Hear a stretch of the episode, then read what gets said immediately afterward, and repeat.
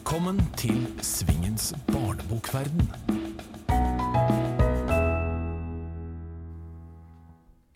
Velkommen til Svingens barnebokverden. Denne gangen har vi to forfattere med samme etternavn. Det er forfatter Klaus Hagerup, og det er forfatter Linde Hagerup. Vi skal begynne med selve legenden. Klaus, velkommen. Takk skal du ha. Vel-. Ja, veldig stolt over å ha deg her i studio, det må jeg virkelig si. Jeg har litt lyst til å begynne å gå litt tilbake og rett og slett spørre deg Hvorfor begynte du å skrive for barn? Ja, det kan du si. Det er en spesiell historie. Jeg begynte ganske seint. Og det er også min opplevelse av det er at eh, det var, Jeg tror det var moren min som sa det, at uh, hukommelsen er langsynt. Og jeg begynte vel å skrive eh, for, eller i hvert fall om barn, da jeg var eh, en cirka Jeg var vel en 43-44 år.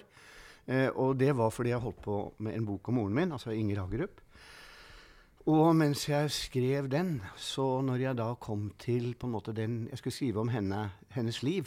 Og da måtte jeg jo innom den tiden hvor jeg selv var sju, åtte, ni, ti år. Eh, og jeg skulle jo ikke skrive om meg. Det var jeg veldig oppmerksom på. Men samtidig så var det når jeg skrev om henne, så var det som Altså Som du hører musikk. ikke sant? Du hører musikk, og den musikken får deg til å huske noe som skjedde for veldig veldig lenge siden. Og når jeg skrev om moren min, så ble hun også den musikken som gjorde at jeg husket hvordan det var å være barn, og fikk behov for å skrive de følelsene. Og begynte da på en bok eh, mens jeg holdt på med boka om, om mor. En bok som heter 'Landet der tiden var borte'. Og det har også en litt annen eh, Det ene var at jeg opplevde barndommen igjen. Det andre var at når jeg skrev om moren min på, en stund etter at hun var død, så oppdaget jeg plutselig at hun var død. Altså oppdaget jeg Hun blir borte for milliarder av år og kommer aldri, aldri tilbake. Så da begynte jeg å skrive om en jente. Og det var fordi at, uh, var fordi at jeg altså opplevde min egen barndom igjen. Så jeg skrev om et barn. Samtidig så skrev jeg om en jente som Det står ikke sånn uttalt i boka, men hun er i ferd med å ta livet av seg. Hun klatrer opp i et tre. Og så går det over i en slags fantasy. Hun blir reddet av en gribb som tar henne med til et land hvor tiden står stille. Så uten at jeg tenkte sånn, så var det en måte å undersøke om du vil at livet skal gå videre på tross av alt det forferdelige du vet kommer til å skje, eller om du vil at tiden skal stå stille i et øyeblikk hvor det ikke har skjedd ennå. Og det var fordi at jeg opplevde den sorgen over min mors død, altså flere år etter at hun var død. Derfor begynte jeg. Fint. Eh, tenkte vi kanskje skulle gå enda litt lenger tilbake, fordi eh, jeg har lyst til å fortelle en liten, kort historie om eh, min datter. Hun eh, har jo da Det hender jo noen ganger vi er ute og går et eller annet sted. Og da hun var yngre, så støtter vi på noen jeg kjente på gata. Ja. Og etter at vi har hatt en høflig samtale, så går vi videre, og så spør hun hvem var det? Jo, det var en forfatter som heter det og det. Og så sier hun han òg! Som om det er det vanligste yrket i hele tror jeg vet du verden. vil. Var det litt sånn for deg òg, at eh, det å være forfatter, det, er liksom, det føles utrolig vanlig fordi du har vokst opp på den måten? Absolutt, Mm. det gjorde det. Og, og det tror jeg var altså, grunnen til, andre grunn til at jeg begynte å skrive i det hele tatt. For det første ville jeg ikke bli forfatter. Jeg ville bli skuespiller, og så ville jeg veldig gjerne bli olympisk mester i tikamp. Jeg ble en ikke altfor god, men heller ikke altfor dårlig skuespiller. Eh, men jeg ble ikke olympisk mester i tikamp. Og så begynte jeg å skrive dikt, da, litt bak min egen rygg. Fordi jeg danser ikke, men det var en fin måte å få kontakt med jenter på. Bare å skrive dikt isteden. Men, eh, men det er klart at, eh, at to, to ting, tror jeg, som, som var ved å Gener vet jeg ikke noe om, men i hvert fall var det det at jeg tross alt vokste opp i et hjem hvor det var, som var tapetsert av bøker. Og når jeg var åtte-ti år, så leste jeg mer enn jeg leser i dag, faktisk. Og mine foreldre hadde Forholdet var liksom at eh, voksenbøker og barnebøker, det var i grunnen det samme. Bøker var bøker. Så når jeg var en sju-åtte år, så var mine to favorittbøker To av favorittbøkene mine var 'Pickwick-klubben' av Dickens og 'Tarzans apenes konge' av Burroughs. Det var det ene. Det andre var at når du er vokst opp med så mange forfattere, Så du blir sånn bakerens barn, da. ikke sant? Men, men, når du har vokst opp blant så mange forfattere, så mister du litt av den respekten. Så du ser ikke oppover. Du ser på det som et helt vanlig yrke, og du ser på det som en jobb. Eh, og, og, og, så jeg må si at da jeg var uh, barn, jeg hadde nok vært, syntes det var mye tøffere å treffe Hjallis enn Hemingway. ja. Når det gjelder bøkene dine, så er det jo uh, kanskje særlig Markus-bøkene som uh, mange, de fleste, mm. virkelig tenker på når det gjelder barne- og ungdomsbøkene dine. Um, Starta det som en tanke om at dette skulle være for uh, barn eller ungdom, eller tenkte du ikke noe over det i det hele tatt? Nei, altså det, det er det som, som jeg sa med altså hukommelsen blir langsomt. Det er vel mer det at uh, jeg var Da jeg skrev Markus, første Markus-bok jeg skrevet i begynnelsen av 90-åra, 93 eller kom i 94, tror jeg. Uh, det er at uh, da kom du på en måte barndommen tilbake. Det var på en måte som om som du levde i, i en annen puberteten kom. ikke sant? Det var, det var Eh, det var noe som forandra seg fysisk og, og, og, og, psykisk. Og jeg husker plutselig hvordan det var, og jeg hadde behov for å skrive om de følelsene. Så det var mer et forsøk på å, å leve litt av livet om igjen. Eller i hvert fall noen følelsene om igjen, da. Han er jo ikke meg, men følelser følelse jeg hadde da, om igjen. Enn å skrive eh, for barn. Og det tror jeg er lurt å ikke tenke. At man skal skrive for barn i det hele tatt. I hvert fall er det lurt for meg. Er, du må skrive på en måte ut fra dine egne følelser og, og, og det som er forskjellen for meg med å skrive for barn, eller om barn og om voksne, det er rett og slett språklig. For når jeg skriver, uh, skriver, om et barn, så får jeg et annet språk. Da får jeg det språket som et barn hadde. eh, men ikke i dag. Et språk som et barn hadde på 50-tallet. Og Leser man bøkene mine nøye, så vil man se at, uh, at det har en slags en alderdommelig tone i språket. da.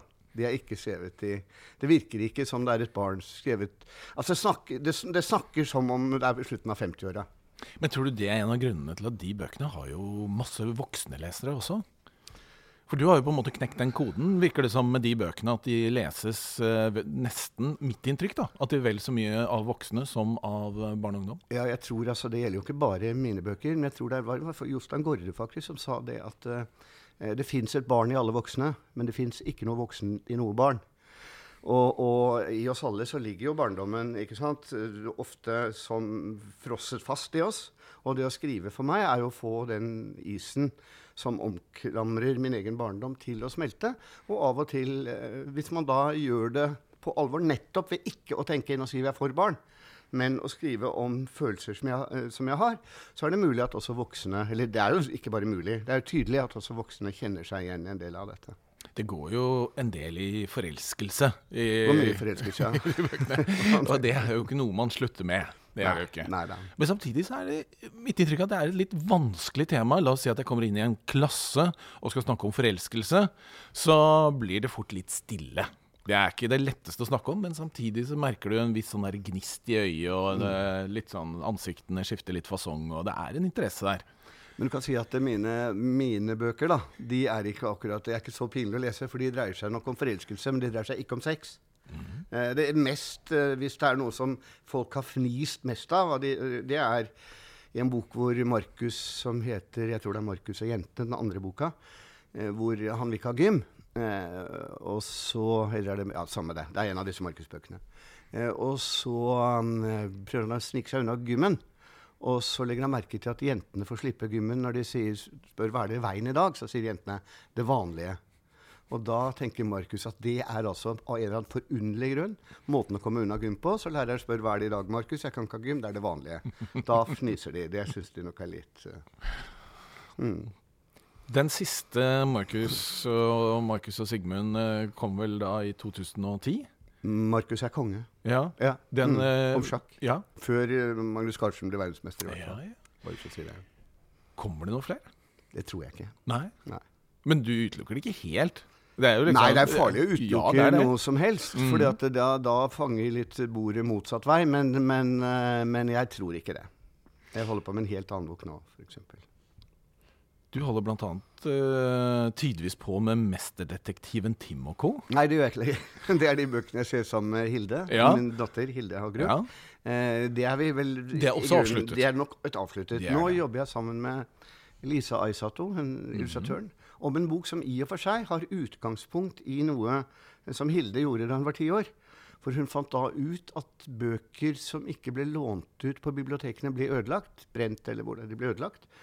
Og hun gikk da inn i en uh, Hun la en avtale med en bokhandler som var like, syntes dette var like trist som henne, så de prøvde å låne alle de bøkene som ikke ble utlånt, for å redde bøkene. Mm. Så det, er, det, var utgangspunktet for den boka jeg skriver nå, men, men, den har utviklet seg en del derfra, da. Men den heter, den heter i hvert fall 'Jenta som ville redde bøkene', og skal komme ut til høsten.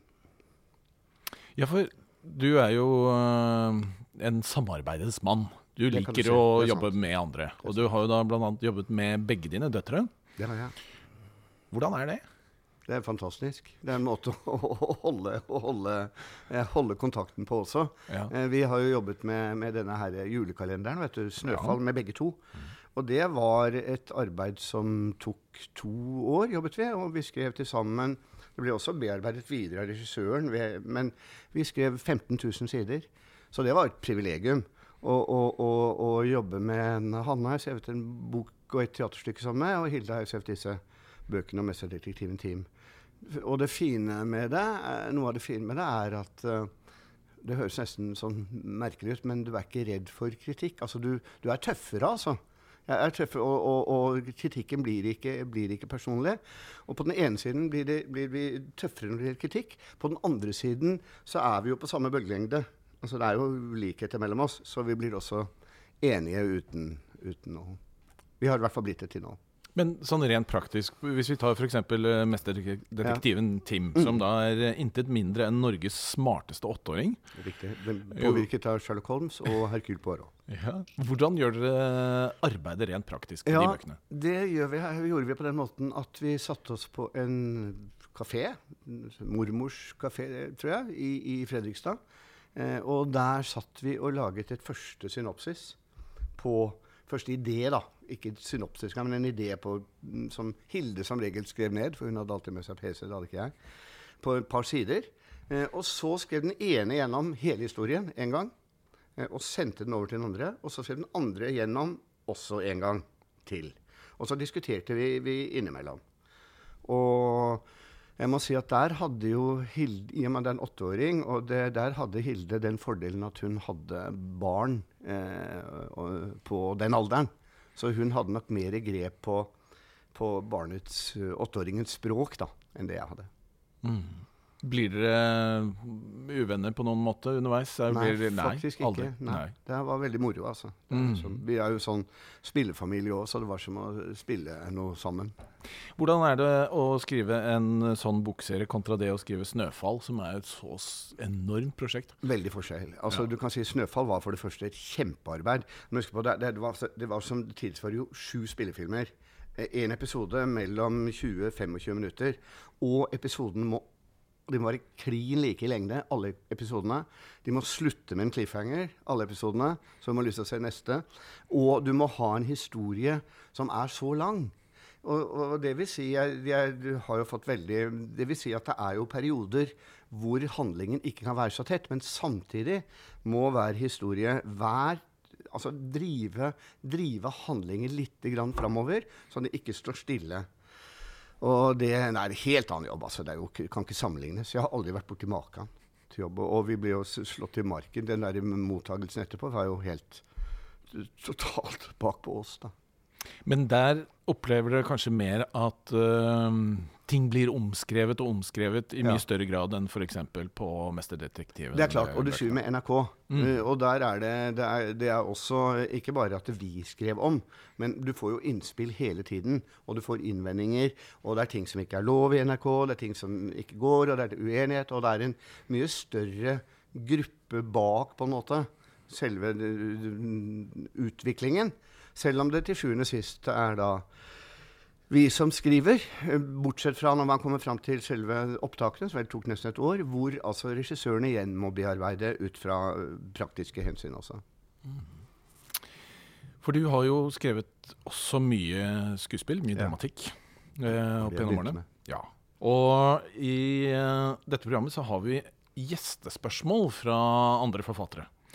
Og i den forbindelse så har jeg lyst til å ta fram gjestespørsmålet vi har fått fra eh, Dag Larsen. Akkurat. Han er da forfatter og leder av forfatterutdanningen. Han var også min konsulent for bl.a. Markusbøkene. Så hans spørsmål er Hvor stor betydning har arbeidet ditt som dramatiker hatt for romanskrivingen din for barn og ungdom? Den har For det første må jeg si at det var skuespiller, jobben min som skuespiller det var det som var grunnlaget for at jeg ser dramatikk. Jeg begynte å se dramatikk da jeg var skuespiller. Eh, den, det er mange ting å si om det. Det viktigste tror jeg er replikker. At jeg som dramatiker og skuespiller lærte at folk snakker på forskjellig måte. Eh, og at du skriver ikke ut hele replikken, at replikken bare er toppen på et isfjell. Eh, og så selve det der med å Så når jeg skriver en bok, Markus-bøkene f.eks., og skriver en scene med mye eh, replikker, så, så, så, så flytter jeg på en måte fokus tankegangen fra den ene, hvordan den ene snakker, til den andre snakker. Og det har Dag Larsen selv påpekt, faktisk, at jeg skriver jo bøker Mine bøker er ganske mye fylt av dialog. Det bringer oss eh, også videre til det, den andre eh, forfatteren som kommer med gjestespørsmål eh, til deg. Og det, han har faktisk to spørsmål. Det er fra forfatter Stein Erik Lunde. Ja. Og hans første spørsmål er jo til og med todelt. Har forfattere en forpliktelse til å sette politisk dagsorden? Og har forfattere en større forpliktelse enn andre yrkesgrupper? Det er et vanskelig spørsmål. Og jeg, hvis jeg skal si veldig fort, så må jeg si eh, både ja og nei. Eh, jeg må si delvis ja på det andre. Fordi at eh, forfatterne lever jo av ordet. Altså de lever jo av for en måte å få folk til å, til å ta stilling til ting som er skrevet. Når det gjelder det første spørsmålet, er jeg mye mer i tvil. fordi at et politisk er et litt, sånn, litt snevert begrep. Markus-bøkene mine er ikke politiske. Men jeg skildrer jo altså jeg, Alle mine personer er skildret Jeg skildrer sjelden personer i overlegne situasjoner. Det er skildret folk som, som er fulle av problemer. Og det er på en måte I mine bøker så er det vel, hvis jeg skulle tenkt etter at jeg skrevet dem, ikke mens jeg skriver dem, men etterpå, så er det noe jeg vil oppnå, så er det at leserne blir glad i menneskers svakhet. Og det er i seg sjøl, syns jeg, en politisk ting. Men politisk i, i, i, Selv om jeg har skrevet det i, i, i, i form for agitatur eller pro, eh, agitasjon eller propaganda, det syns jeg nok ikke forfatterne har spesielt eh, det, det er ikke noen forpliktelse. Nei, for dette uh, går jo da inn i det neste spørsmålet hans. Eh, hvordan vurderer du den i dag relativt utskjelte barne- og ungdomslitteraturen fra 70-tallet, der en del forfattere hadde en tydelig politisk og pedagogisk agenda? Det er igjen et, også et vanskelig spørsmål, for det er forskjellige typer bøker. En av verdens beste barnebøker har et veldig klart eh, politisk, eller i hvert fall pedagogisk eh, eh, altså, eh, mening, og det er Pinocchio. Pinocchio handler jo om, sant, om at du skal være snill, du skal oppføre deg pent, du skal ikke lyve, ellers får du lang nese, eh, og, og, og du skal være flink på skolen, og du skal gjøre jobben din. I Pinocchio det som er typisk for den, er at når Collodi er på sitt beste Det er jo når han skildrer skurkene, reven og katten. Sånn at eh, det er veldig vanskelig å svare generelt på et sånt spørsmål uten å ta bok for bok. Men eh, det jeg kan si om meg selv, er at eh, jeg tenker mer på å oppleve de personene jeg skriver om, enn at det er noen, noe jeg vil ha sagt med boka. Jeg vil prøve å bli kjent med personene og få folk til å bli kjent med de jeg skriver om. Et eh, spørsmål i forlengelsen av at du fortalte at du nå at du gjerne ville bli olympisk mester i tikamp. Jeg var så dårlig hoppe stav. så det. Var det, var det staven som Nei, eh, det var, det var nok det som Nei da, det var ikke bare Men jeg var ganske flink. Jeg var 14-15 år, men eh, jeg var nok ikke så flink, nei. Nei, for, for du eh, har jo da holdt på som forfatter en del år, og mm. jeg har jo begynt å kjenne på dette sjøl også. Det er en stillesittende jobb. Ja. Veldig stillesittende jobb, og etter hvert som man blir eldre, så blir man eh, nødt til å passe på akkurat det der. Jeg, Det er jo den nye røykinga. Det er å sitte stille. ja, ja, ja. Og jeg, jeg er Så det, det kan heldigvis ikke lytterne se, men jeg har, er ikke helt uh, syltynn. Og jeg har lagt på meg i det siste, så jeg prøver å trene så mye jeg kan. Jeg prøver å se på det som en jobb, faktisk. Så jeg, nå for noen uker siden har jeg begynt på yoga. Ja. som er veldig ålreit fysisk, altså. Mm. Men jeg tenker jo egentlig at bakgrunn fra tikamp, så har du holdt på med en rekke forskjellige idretter, så du har egentlig et godt grunnlag. Da, Ja, men kunne- bakgrunnen nei, bakgrunnen, det var veldig dumt. For da jeg sluttet med sport da jeg var 17 år, men da hadde jeg drevet med vekttrening. Eh, og, og det vil si at da jeg hadde lagt meg Jeg var ganske kraftig som 17-åring. Eh, men de de, da tok jeg av 10 kilo i løpet av relativt kort tid. Hvor jeg gikk ikke sant, fra, fra, fra sport til, til rødvin. Eh, og, og da ble jo musklene omdannet til fett, eller hva det nå er.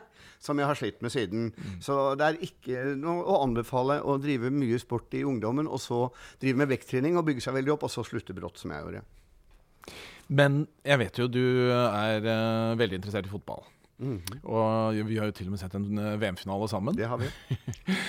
Em, jeg ville tenkt at du på et eller annet tidspunkt eh, skrev noen fotballbøker, men eh, det har du aldri Jeg har skrevet en bok som heter 'Markus og den store fotballkjærligheten'. Ja, det har du gjort, så der forekommer det litt fotball, ja. Ja, er får, nå blir det riktignok sannsynligvis landets dårligste fotballag.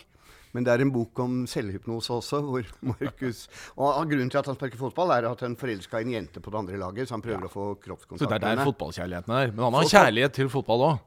Bopp-bopp. Ja, ok. så en sånn fotballbok. Ja. Mm. Um, jeg har uh, utfordret deg på en liten forfatteranekdote. Ja. Jeg har en, altså Den dreier seg delvis om meg, men egentlig så er den handler om mora mi. Det er bare for, det, bare for et eksempel på Det er veldig mange ting som kan utløse det at man skriver. Og mor var det mye rart, men det var også dårlig samvittighet. I 1950 så var det en feriekoloni for forfatterbarn på Råde i Østfold. Eh, det var da i virkeligheten selvfølgelig ikke en, en feriekoloni for forfatterbarna, men for forfatterne, som ble kvitt forfatterbarna ikke sant, en sommer. Eh, og der var jeg. Og så var det da et bilde, Ukebladet Aktuell, det gamle ukebladet til eh, LO, vel? Ja. Kom i hvert fall og tok et foto eh, av meg. Blant andre barn. Men der så jeg aleine på det bildet, og mor syntes jeg så så utrolig trist ut. Så hun bestemte seg for at hun ville hver dag da, skrive et dikt til dette forlatte barnet. Så skrev hun da den diktsamlingen som het Så rart. Et dikt til meg hver dag den sommeren. og kom ut seinere samme år. I virkeligheten var jeg altså ikke trist. Jeg satt og hørte på Kjetil Bang-Hansen, som sang 'Musevisa' av Prøysen. Sånn at hadde det ikke vært for Prøysen, Kjetil Bang-Hansen og delvis meg, så hadde ikke mor skrevet den boka da. Men hun hadde sikkert funnet en annen grunn til å skrive den seinere. Eller noe lignende, da. Men akkurat den boka var kommet av det. Det er fascinerende. Mm. Og nå jobber du da altså med Lisa Aisato. Mm. Så det er en bok vi kan se fram til i år? Eller? Ja da, det skal komme til høsten. Mhm. Så mm, jobber du Altså Nå har du jo nettopp eh, holdt på med 'Snøfall', og det var et stort arbeid. Jobber du mye for tiden? Jeg jobber det. Jeg, jeg, når dette, jeg ble 71 år når Ja. dette blir sendt, i hvert fall. Jeg er 71 år 5. mars. Ja. Eh, og det betyr at jeg prøver For jeg prøver å holde hjernen i trim.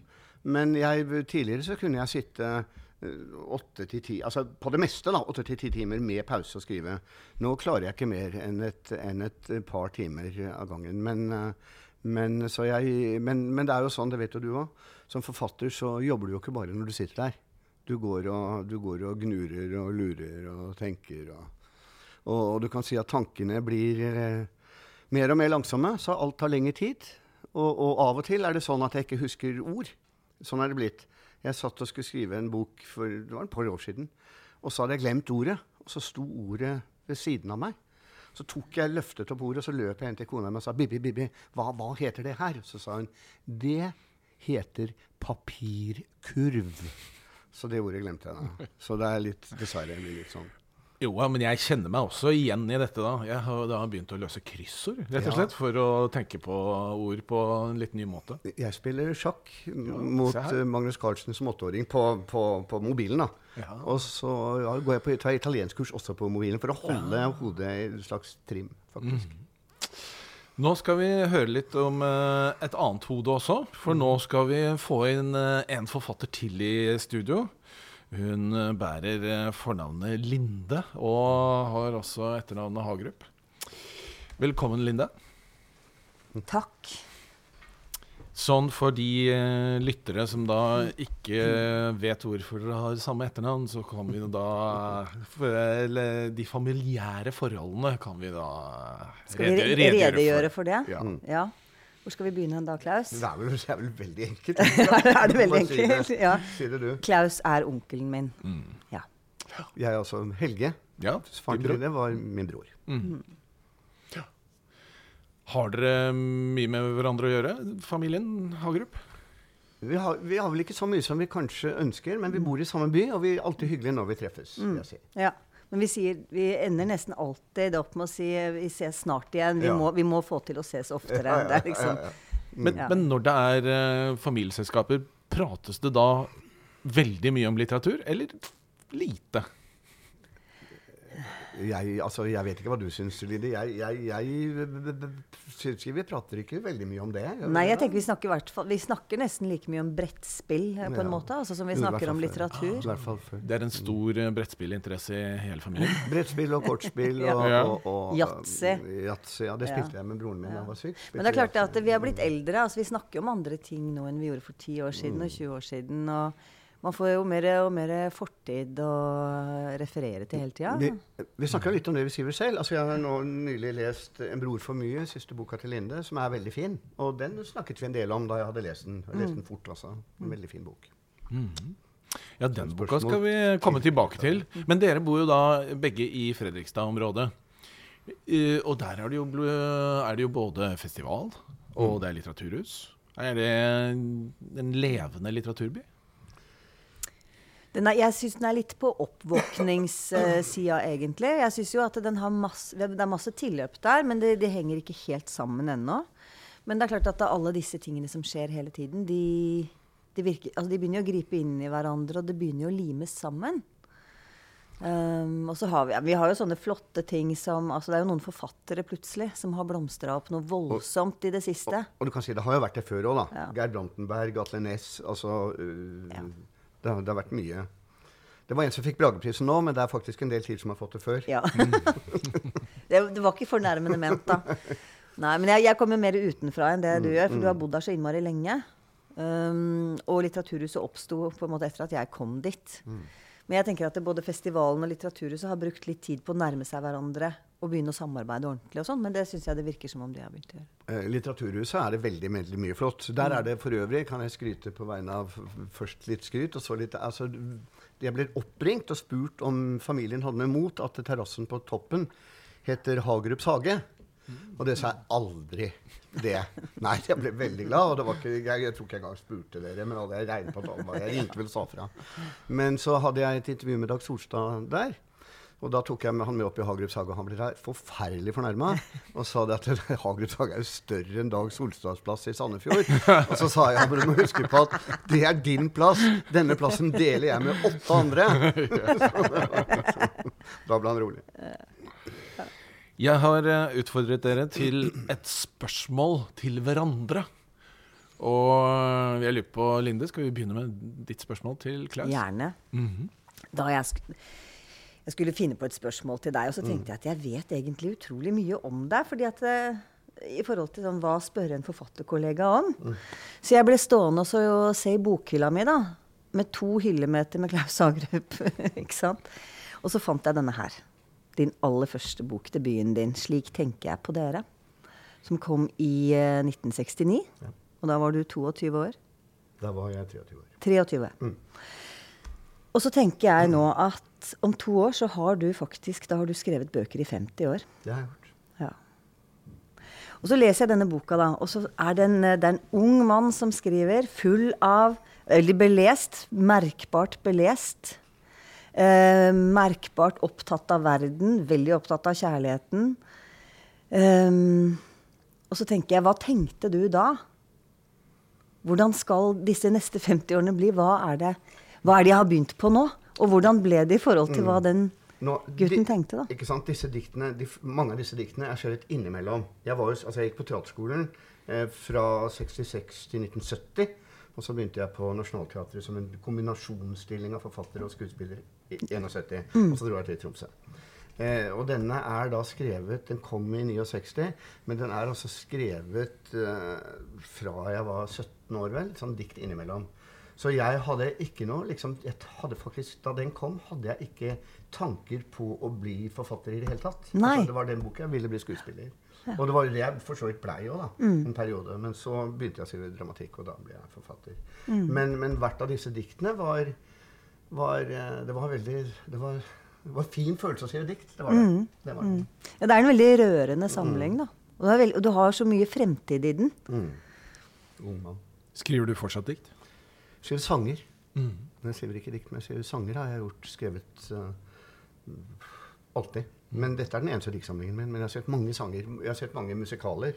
Og jeg har også skrevet sanger for uh, Alf Kranner, uh, Jonas Fjell, uh, altså flere. Mm. Skal vi ta, Sverre Kjelsberg. Ja. Sverre Kjelsberg, ikke minst. skal vi ta ditt eh, spørsmål til eh, Linde? Ja, det gjelder på en måte måten å jobbe på. For det, er- det, er, sånn, det, er- det er alltid interessert i.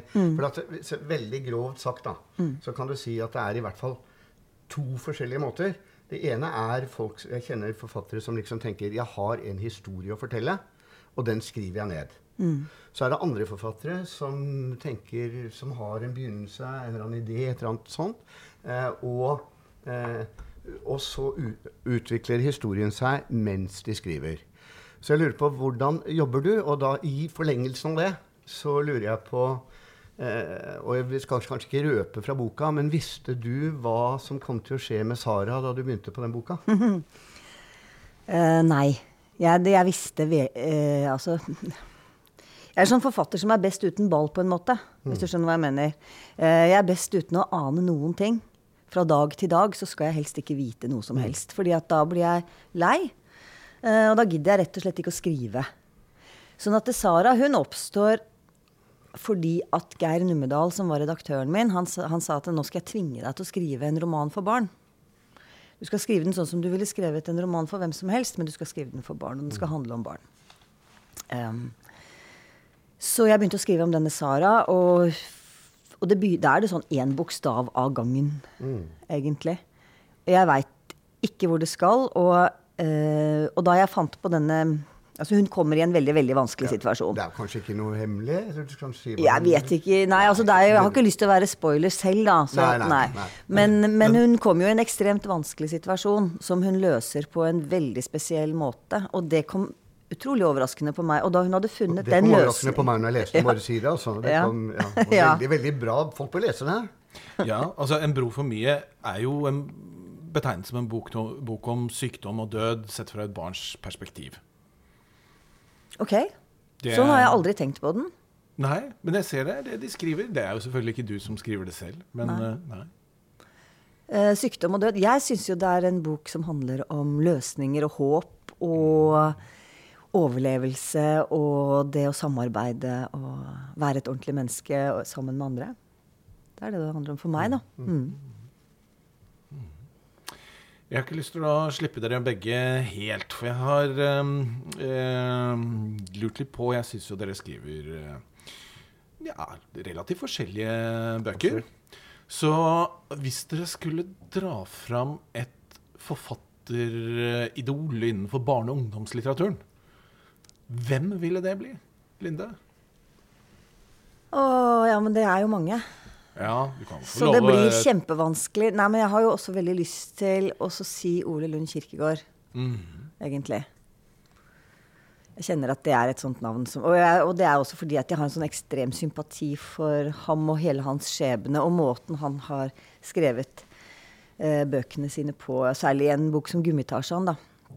Eh, som er noe av det tristeste og morsomste og fineste jeg veit om. Det er den boka. Den, er, den leser jeg rett og slett Jeg tror jeg leser den en gang i året eller noe sånt nå. For å minnes på at det og, det og det er også en bok som faktisk ender trist, da.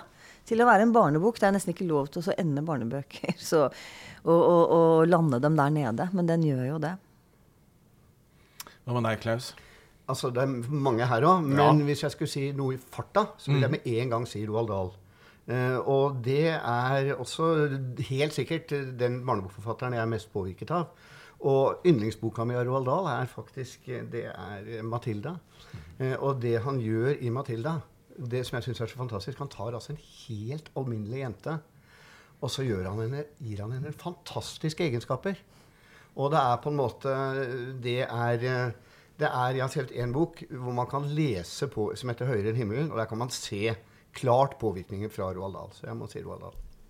Er det sånn bok som du også tar fram igjen med jevne mellomrom?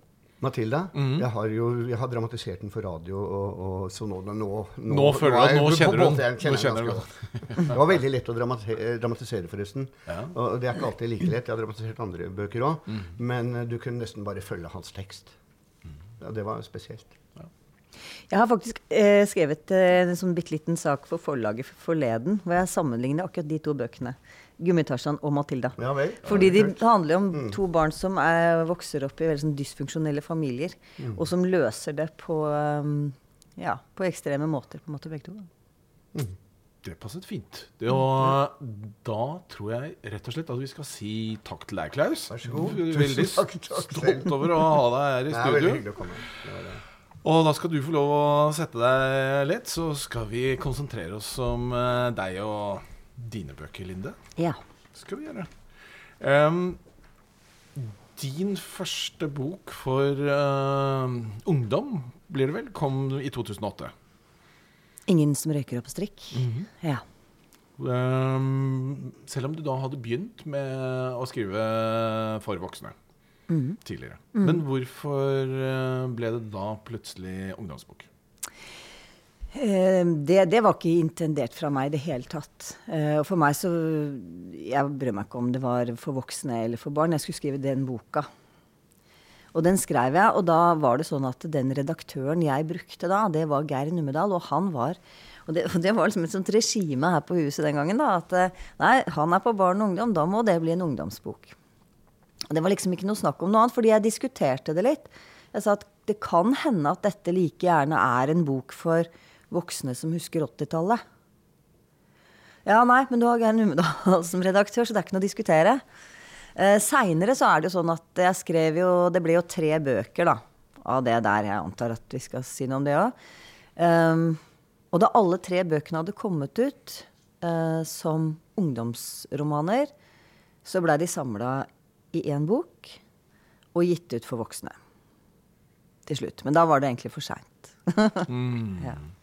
Men betyr dette at du har sluttet å skrive for voksne? Ikke det at vi skal snakke om voksenbøker her, men eh, Jeg veit ikke om jeg egentlig noensinne s- Klaus sa noe om det i stad. At eh, jeg kan ikke tenke på at jeg skriver for barn når jeg skriver for barn.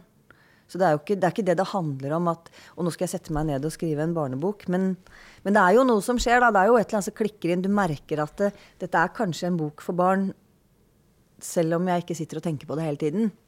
Men jeg tror jo ikke folk som skriver for voksne, når man skriver en voksenbok, så sitter du ikke og tenker hele tiden at det, Oi, dette her var kanskje ikke helt passe for en på 35. Da må jeg, nå må jeg skru opp eh, nivået her. Du tenker jo ikke på det heller. Men tenker du på at uh, denne romantrilogien om Billy og vennene, at den kanskje heller sånn i ettertid burde kommet ut som såkalt voksenbok, eller kanskje som noe annet enn ungdomsbok? For ungdomsbøkenes kår er jo, er jo litt vanskelige. Ja, jeg, jeg tror på en måte at den, den, den, den er vanskelig på en måte også å selge inn til ungdom. Fordi at foreldra blir veldig skeptiske når de hører hva disse bøkene handler om. Sånn at de har ikke lyst til å gjøre de bøkene sånn kjempetilgjengelige. tenker jeg. Sånn at det ble egentlig Det ble, nok sånt, det ble litt vanskelig, da. Det der. Mens derimot, da, hvis man hadde prøvd å Hvis man sier at det, dette skal selges inn til folk som husker 80-tallet, og som gjorde alle disse tingene selv Sant? Fordi at ok, de tre bøkene de handler om Den første handler om da vi begynte å røyke. Da var vi elleve år. Og neste år så begynner vi å drikke. Og tredje året så begynner vi å eh, ha sex, rett og slett. Så det er jo på en måte det er da ledemotivet i de tre bøkene. Og det, det er kanskje ikke så kjempelett å selge inn til voksne som skal kjøpe bøker til 14-åringene sine. da. Nei, for du eh, skåner jo ikke leseren i disse bøkene. Du forteller det mer eller mindre som det var. Og nå er det jo Vel, har du møtt noen ungdommer som hever den moralske pekefingeren og sier at 'dette vil vi ikke ha'? Ja. Har du det? Ja, flere. Men det første spørsmålet det er alltid Er det sant at du begynte å røyke da du var elleve år? Det er det første. Og så sier jeg ja, det er sant. Det tror jeg ikke noe på. Det går ikke an. Ingen kan begynne å røyke når de er elleve. Sant? Og da kan jo jeg supplere med at ja, men jeg var ikke sånn kjempetidlig ute. Jeg kjenner flere som begynte når de var åtte og ni og ti år. For sånn var det. Og det var veldig, veldig Det er jo et veldig hardt miljø som er bakteppet til de bøkene der. Sånn at, eh, og jeg ljuger ikke, da. Men jeg sier jo på langt nær hele sannheten, for det hadde ikke gått, altså. Det hadde ikke funka. Fordi det var verre? Ja, det var mye, mye verre. Er du gæren? Vi var jo helt sprø der oppe. Vi hadde ingen dressur, ingen foreldre som brød seg et fnugg om hva vi holdt på med. Vi gikk til krig mot politiet. Altså, det var uh, mm, Nei, det var veldig, veldig hardt. Men er det sånn at voksne blir mer moralske når de skal uh, finne bøker som skal være til sine egne barn, enn f.eks. hva de kunne tenke seg å lese selv? Ja, det er klart det. Voksne, tenker jeg, de vil jo gjerne lese litt sånn juicy ting. Og særlig hvis de kan identifisere seg med det og, og uh, sette sitt eget navn inn i boka, på en måte. Det er klart, du har ikke noe Du har jo ikke så kjempelyst da, til at 14-åringen din skal lese dette her og bli så, så råbegeistra at hun går rett ut og begynner å røyke heller. Sant? For det, jeg har faktisk hørt rykter om at et par stykker gjorde det, og da ble jeg veldig, veldig betenkt, faktisk. Det var ikke noe særlig gøy. Vi tok det som en uh, reklame for røyking, altså. Dette må vi teste. Dette, er, dette er for kult beskrevet, da. Men på den annen side gjør vi det riktige hvis vi skåner ungdommen for den type realiteter, og ikke forteller historier hvor man faktisk har sex og røyker, begynner å røyke altfor tidlig og alle disse andre tingene. Ja, men altså, jeg tenker jo at du kan egentlig si hva du vil. Det er jo ikke hva du sier, men det er jo måten du sier det på. Og det er vel faren i de bøkene der. At, det, at kulhetsfaktoren blir såpass høy. Fordi at jeg moraliserer ikke. Det er, det, det er sånn veldig sånn viktig regel for meg. At eh, jeg vil ikke eh, Jeg vil ikke gi noen svar, egentlig, da. Jeg vil gjerne liksom snø ned hele verden av spørsmål, men jeg har ikke lyst til å komme med noen svar. Og derfor så kan jeg heller ikke si at det, det er dumt av deg å begynne å røyke. Du burde ikke gjøre det. Det kan jeg ikke si. Og det er heller ikke min jobb å gjøre det. da. Det er ikke det forfattere skal gjøre. Vi skal fortelle historiene. Mm, det er veldig, veldig fint hvis det på en måte blomstrer videre i et klasserom hvor de begynner å diskutere det. Ja, er det greit? Kan man bare begynne å røyke, da? Hvorfor, hvorfor, hvorfor la være? Det ser jo kjempegøy ut.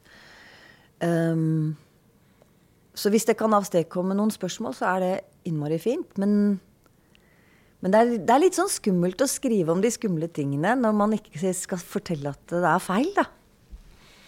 Ja, for du legger jo litt bånd på deg selv når det er ting du ikke forteller. Er det fordi du da mener at dette blir for drøyt, eller fordi du syns at ja, det passet kanskje ikke inn i historien?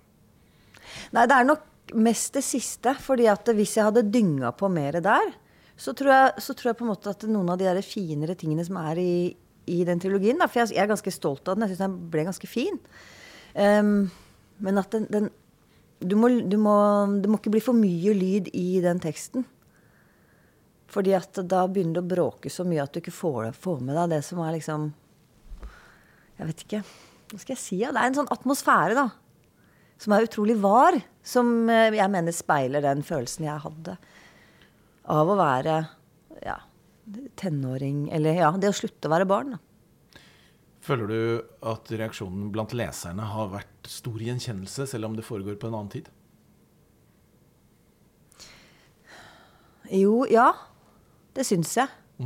Altså Særlig blant de som husker 80-tallet, men da, det, det er jo greit. Den klikker inn.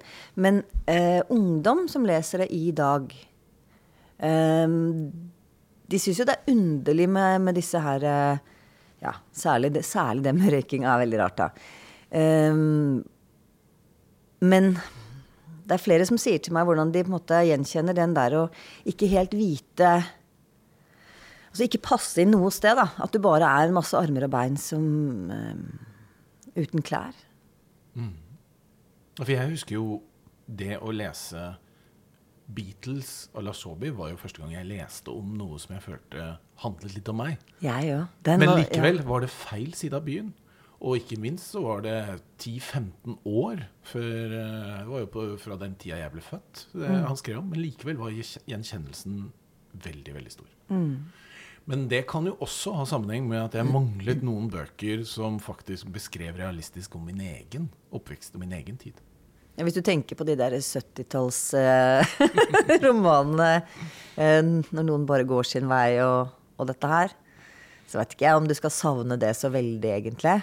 Nei, jeg er noe savnet dem nok ikke, men jeg savnet, savnet nok noen som skrev uh, sånn som han gjorde, da. Om på en måte et realistisk uh, Jeg vokste opp i et typisk guttemiljø med litt sånn gjenger og, og sånne ting. Og det var det jo ingen bøker som skrev om, i hvert fall da. Men Nei, men ikke sant, Vi trenger jo de speilene der.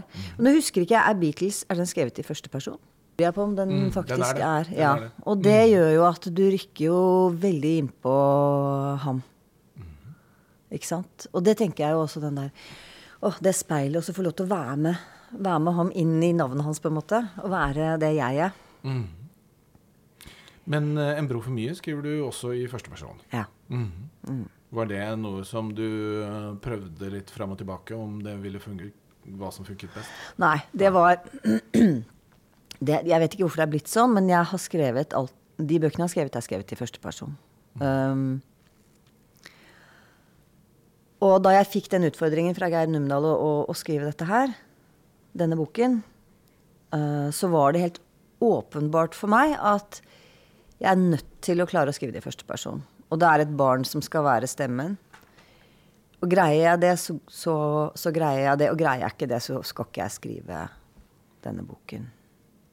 Og det er også fordi at jeg, jeg visste at det er et eller annet sted i verden så er det en del bøker jeg har savna som barn. Da. Jeg kunne ikke sette helt fingeren på det da, hva det var. Men det handler bl.a. om det med førstepersonsfortellingen. Um, jeg har lest masse nydelige bøker da jeg var liten. Jeg husker ikke Jeg husker ikke noen som er skrevet i førsteperson av romanene. Men du, du sier samtidig at uh, dette var som en slags utfordring fra redaktør. Mm. Um, jeg får da en følelse av at du jobber veldig tett med redaktør hele prosessen. Stemmer det? Hva er det, da? For jeg vet ikke hva det motsatte er, kanskje. Du, um, for det er jo klart at uh, lyttere her, så har vi jo noen som er forfattere og jobber med forlaget, og så er det en del andre som gjerne vil bli det, og så er det en del andre som ikke gjør det. Og det er jo klart at redaktørene har en sterk innflytelse på hvordan det endelige resultatet blir. Og um, jeg har vel aldri skrevet en bok hvor jeg føler at uh, det er initiert, eller i hvert fall utfordret av uh, redaktøren. Jeg har alltid kommet da med en idé, eller som regel med et ferdig manus. En del kollegaer sender jo da ting inn underveis og får en del eh, respons, og ser om retningen er riktig før man på en måte jobber seg ferdig med det. Hvordan jobber du? Jo, sånn jobber jeg.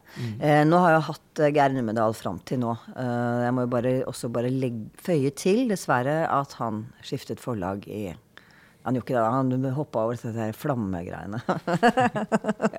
jeg var så sint at jeg bare sa 'jeg håper det brenner opp'. Men, eh, så jeg har jo ikke noen redaktører lenger. Men eh, disse bøkene som vi har laget sammen, og det begynner å bli noen, så så er det jo sånn at det er jeg som initierer ideen, som regel. Også denne gangen. Han, altså utfordringen var bare du skal skrive en roman for barn. Ikke noe mer enn det. Um, og så begynner jeg å skrive, og så vil jeg vite veldig fort om, uh, om det er, er, det, er det noe Brenner dette? Gjør det ikke det? Kanskje jeg har skrevet 15 sider, kanskje 30 sider. Og så sier han ja, skriv videre. Og da, fra da så har vi hyppige deadliner. Og da skal jeg skrive meg langt frem til neste gang. Og da er det kanskje deadline om tre uker. Sant? Um, og da vet jeg akkurat hvilken dag han skal lese, sånn at jeg blir ikke sittende Jeg ikke sender ikke, og så sitter jeg og venter og sånn, for det gidder ikke jeg. Så vi, har avtalt hvilken dag han skal lese, og så, og så snakker vi sånn eh, veldig raskt, da. Så det betyr at du har veldig intense skriveperioder når du er midt i en Ja, jeg, jeg skriver veldig fort. Jeg tenker forferdelig mye. Jeg skriver ikke mye per dag. Det er én til tre timer per dag. Og så er det bare å gå rundt og, og koke. Og så er det å, å, å dødse på dagen etter igjen, liksom. Og fri hver lørdag og søndag. Helt sånn. Veldig nøye på det. Eh, og så tar det et eller annet sted mellom to og fire måneder å skrive en bok, da. Mm, og eh, mange versjoner. Én. Bare én. Bare en. Ja. Ja. Mm. Og da hjelper det å få den tilbakemeldingen underveis, rett og slett. Ja, ja, for For jeg gidder ikke å gå meg vill. Liksom, for at hvis jeg har skrevet meg 50 sider på, på ute i ja, helt feil sted, så, så er jo det så utrolig kjedelig.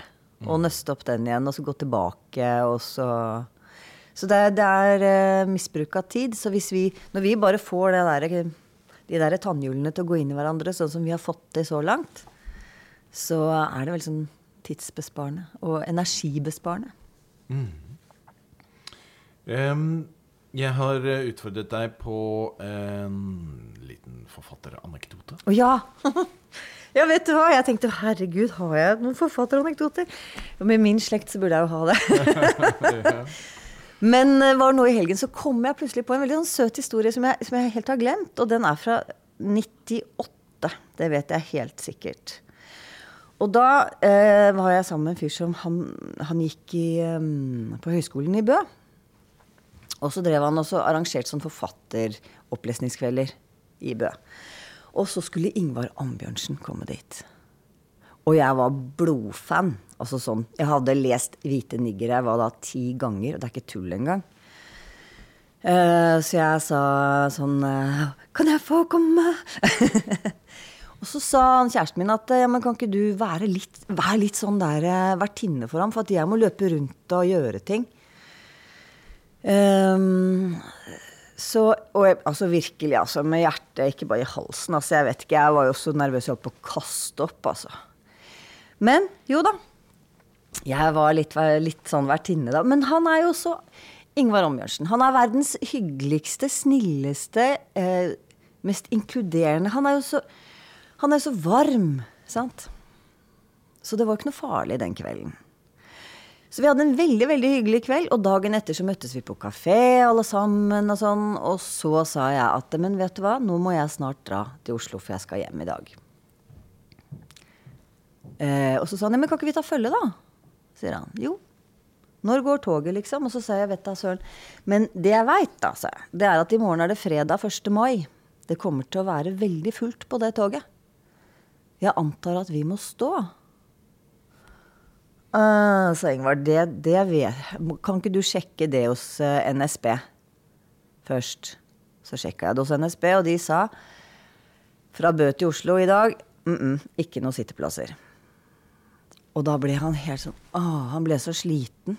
Og han tenkte på den turen inn til Oslo. Så han sa Men Linde, kan du Kan ikke du få tak i en taxi hvor vi kan røyke og drikke? Og så betaler jeg den for oss. Så fikk jeg tak i en taxi hvor vi kunne røyke og drikke.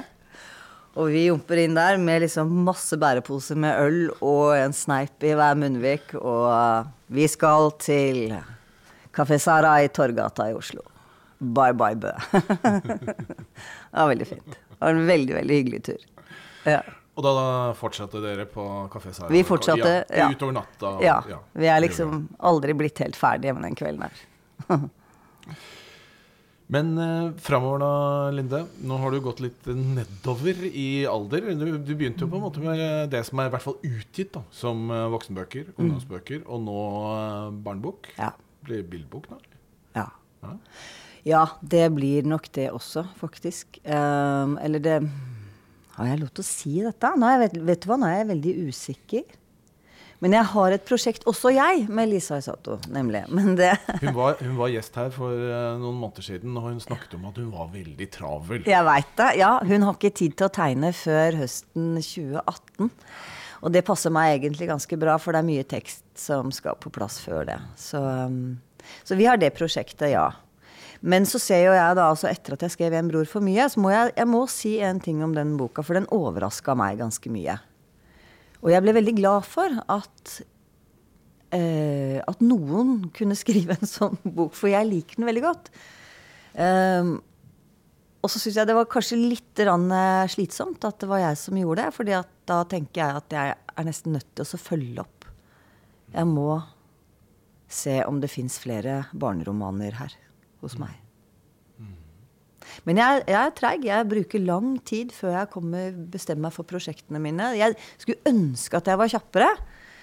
Uh, og si at, eh, for dette, Jeg er så redd for det der å åpne én dør, så hører jeg jo alle de andre dørene som smeller igjen. sant? Et prosjekt, Velger du ett prosjekt, så er det så mange du sier nei til. Vi snakket litt om uh, familieforholdene. Blir uh, sønnen din også forfatter, tror du?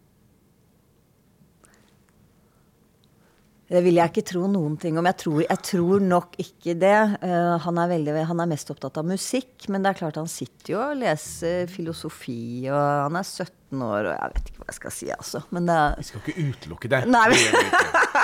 jo. ja.